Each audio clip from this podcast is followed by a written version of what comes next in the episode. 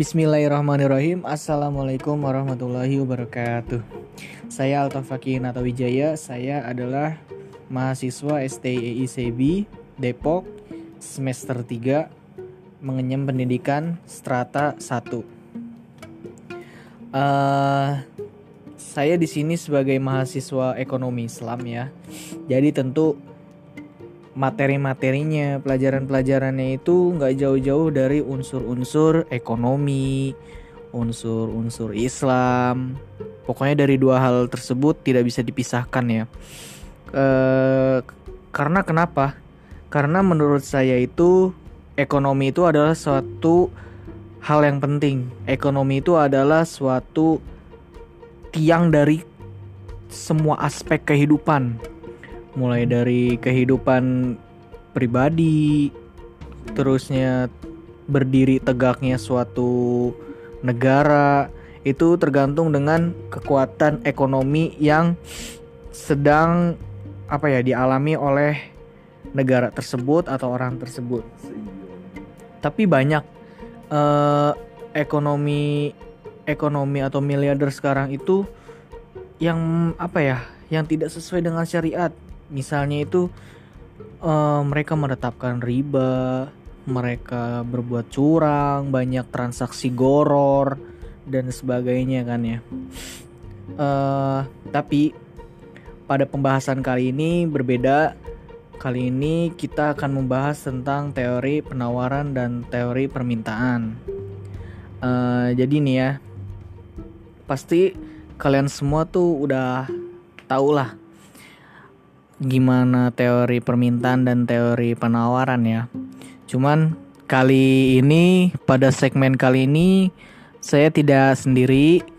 Kembali saya ditemani oleh teman saya yaitu Rivaldo Erlangga, mahasiswa Unisma semester 1. Uh, eh, kebetulan minggu-minggu sekarang ini adalah minggu-minggu UAS atau ujian akhir semester. Jadi uh, banyak dari kita, terutama mahasiswa yang sibuk untuk belajar, sibuk untuk mempersiapkan diri secara ilmu, secara kesehatan. Karena kebetulan apa ya? Tahun kemarin dan tahun sekarang itu mungkin mungkin ya wallahu alam akan menjadi tahun-tahun yang sulit, tahun-tahun yang berat karena bumi kita jangankan bumi negara kita sedang diuji dengan COVID-19 atau yang akrab disebut corona.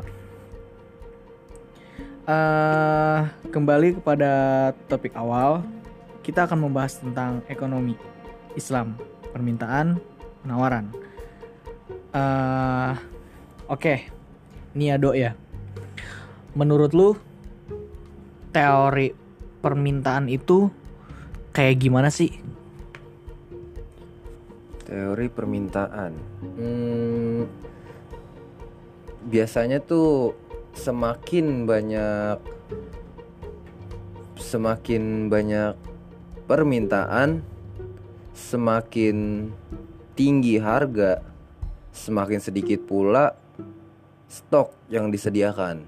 Itu karena apa? Biasanya orang-orang itu curang, produsen-produsen curang itu penjual-penjual curang biasanya seperti itu. Kenapa tuh? Ya karena mereka mikir barang barang ini tuh sangat dibutuhkan oleh masyarakat.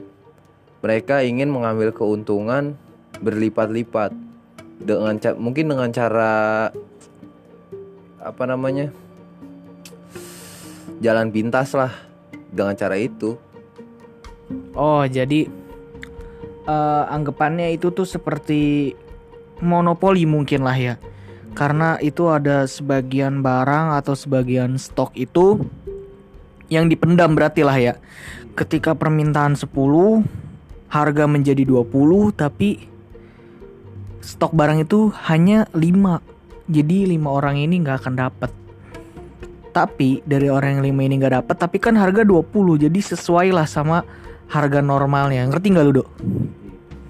Ya kan? Eh, jadi teori permintaan tuh seperti itu ya. Jadi eh kalau misalkan kalian mendengarkan season eh bukan season episode yang kemarin itu kan kita di situ membahas tentang eh, perilaku produsen yang sesuai dengan syariah lah ya jadi sebenarnya teori-teori ini tuh kita tuh mindset kita tuh sudah termakan oleh eh, ekonomi ekonomi para pakar-pakar ekonomi konvensional. Sebenarnya nggak nggak seperti itu juga. Seperti yang udah saya bilang pada episode kemarin bahwa ketika kita menjadi produsen, ketika permintaan banyak, kita harus menyediakan stok yang banyak pula dengan harga yang murah. Karena kenapa? Karena ketika kita menjadi produsen, itu kita harus mencari berkahnya pula. Keberkahan dari Allah, keberkahan dari cara-cara kita untuk apa? eh, mendapatkan rez- uang, mendapatkan rezeki.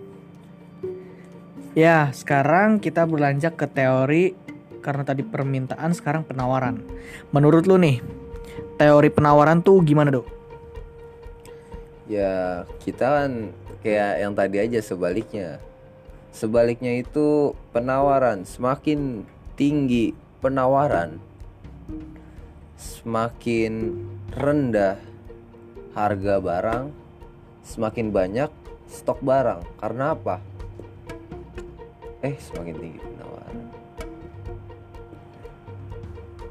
Eh maaf maaf. Maaf saya salah. Semakin tinggi Eh Semakin tinggi penawaran Semakin rendah harga. Semakin sedikit permintaan Karena apa? Ya Yang kalian tahu aja Di semua toko har- Apa namanya barang itu banyak. Jadi kalian mudah untuk mencari Otomatis Untuk menutupi Penjualan Kalian itu itu mudah sekali eh mudah sulit sekali karena apa saingan kalian banyak kan nah di situ jadi Kita tuh nurunin kita harga gitu ya. jadi iya kita jadi mainan harga lah intinya Biar laku. ya. Heeh, ngorbanin harga kita itu kayak gitu dah Oke, jadi seperti yang tadi Aldo bilang, jadi penawaran itu semakin tinggi penawaran itu semakin rendah harga. Karena gini, rata-rata suatu sesuatu yang ditawarkan secara berlebihan oleh produsen itu mungkin adalah barang lama. Barang yang kadaluarsanya sebentar lagi akan expired. Terus karena bersaing dengan penjual-penjual lain itu karena biar apa ya dagangan kita itu tetap terjual eh seminim-minimnya itu kita menjual dengan ya harga asli. Misal si produsen itu membuat barang sebesar harga 5000 dia menjual ya 5000 juga. Bahkan bahkan biasanya tuh kalau misalkan untuk menutupi penjualannya supaya barang itu laku aja itu biasanya penjual-penjual sampai rela nurunin harga di bawah modal mereka jadi jatuhnya rugi. Yang terpenting ada sebagian uang modal mereka yang balik. Itu parahnya. Kalau semisalkan permintaan konsumen sedikit tapi barangnya stoknya itu banyak. Itu parahnya. Nah gitu Jadi emang apa ya Berarti bener ya yang kita simpulkan dari teori penawaran itu seperti itu. Eh Pokoknya yang penting barangnya kejual aja. Yang penting barangnya kejual.